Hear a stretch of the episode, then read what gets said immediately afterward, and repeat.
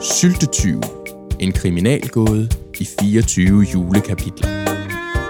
14. december. Smalkost.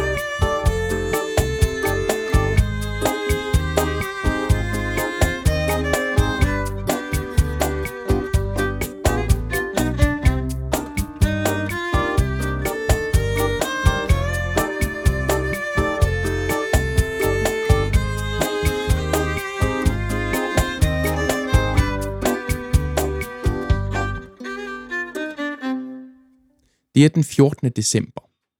Tid for fest, tid for overflod, og ikke mindst tid for en god fortælling. I går hørte vi, hvordan Ingolf og Katrine fik sig en hyggelig snak, mens der andre steder i byen var skumle planer i gære. Der gik en pros op for nissen, der kom i tanke om, at slagtermesteren selv manglede at få besøg af syltetyven. Uheldigvis for netop slagteren overhørte nissen Severin og Agamemnon diskutere et sirligt alarmsystem, som opfinderen havde installeret, og hvad værre var, lyttede den lille nisse sig også frem til, hvor slagteren gemte det allerhelligste, selve syltelageret. Lykkeligt uvidende om nissens ventende ugerninger, mødtes alle byens borgere for at fejre Lucia-dag på behørig vis. Lysene blev båret frem, bageren bagte friske Lucia-brød, og Katrine trakterede efter optoget med en omgang på husets regning inde på det dinglende egen. Hvor unge ven Landstrygeren var dog forhindret i at deltage i denne festivitas, da han stadig, som følge af borgmesterens dekret, måtte opholde sig inden for præstegårdens mure, hvor han var beskyttet mod pøbelens vrede af Ingolfs amnesti. Da samtalen på værtshuset blev sporet ind på netop landstrygeren, blev julestemningen i brudt, da Severin udvandrede i protest, da han mente, at resten af byens borgere lukkede øjnene for landstrygerens åbenlyse skyld i syltetyverierne. Og som om hans aften ikke allerede var blevet ødelagt, så ventede der en grim overraskelse hjemme i slagterforretningen. Dagens tekst starter på det dinglende egen hen af formiddagen, hvor Katrine står og pusser glas og venter på dagens første tørstige gæster. Sådan ja. Og så lige en lille klud hen over hylden, så kan de komme på plads. Hov, det knirker i sneen. Det er nok Severin, der vil have revanche for i går. Tænk, han gik hjem før pressens sene radioavis. Jeg har da aldrig hørt mage. Døren går op, men det er ikke Severin, der træder ind. Det er bagermesteren. Godmorgen, søde Katrine. Ja, formiddag er det vel snarere. Nå, Severin sover måske længe i dag. Jeg havde håbet at tale med ham om i går. Lige udrede misforståelserne, du ved. Vi må ikke miste julestemningen. Ja, det overraskede også mig, at det var dig, der kom ind ad døren, Albert. Svendsen plejer ikke at lade en dukfrisk formiddagspilsner vente. Næ, men som jeg altid siger, så er slagtermesteren for lidt, bliver medisteren besk. Og du ved, hvor jeg hader besk medister. Jo, det ved jeg vel.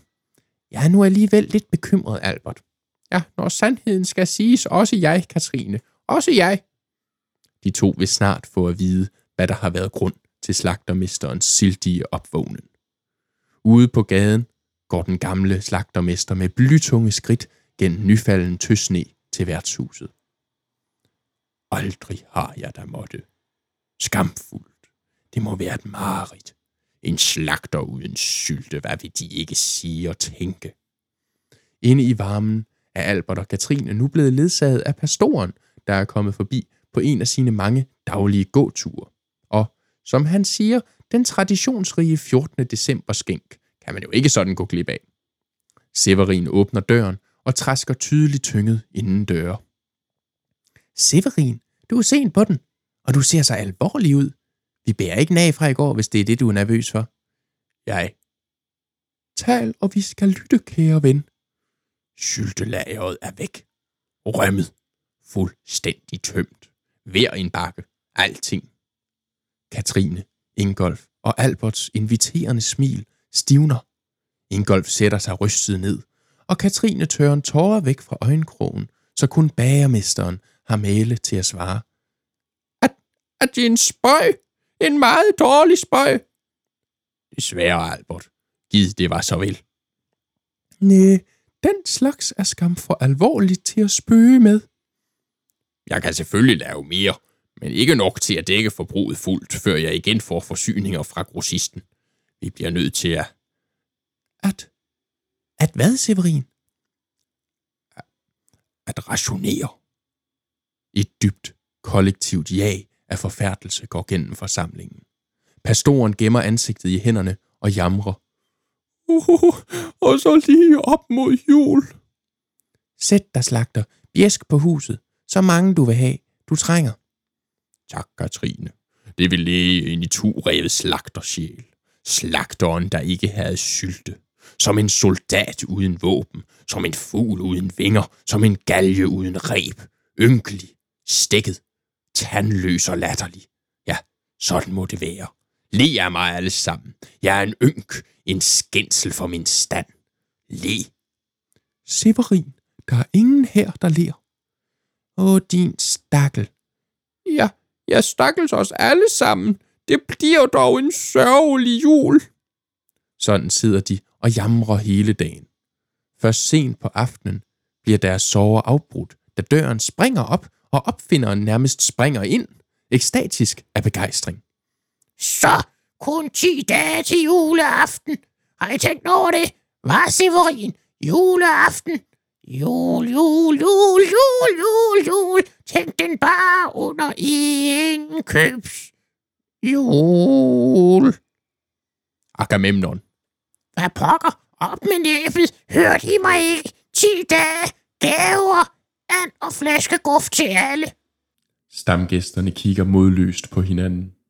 Ingen har lyst til at vaske den barnlige juleglød af opfinderens ansigt. Er julen aflyst, eller hvordan?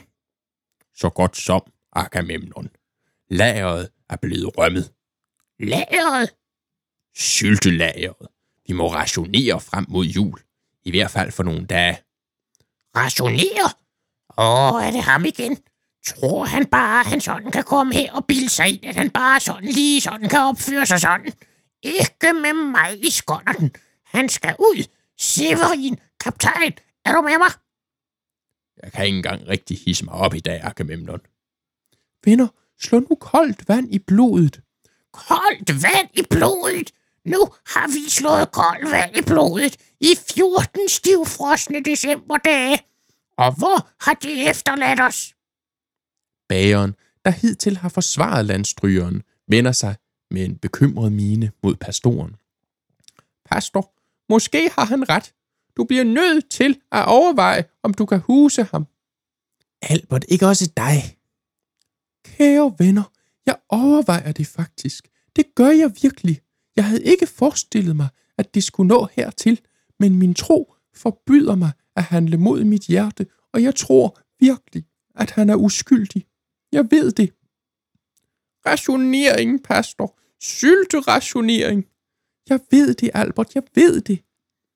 Og med det forlader vi forsamlingen, efter hvad der har været en sovens dag.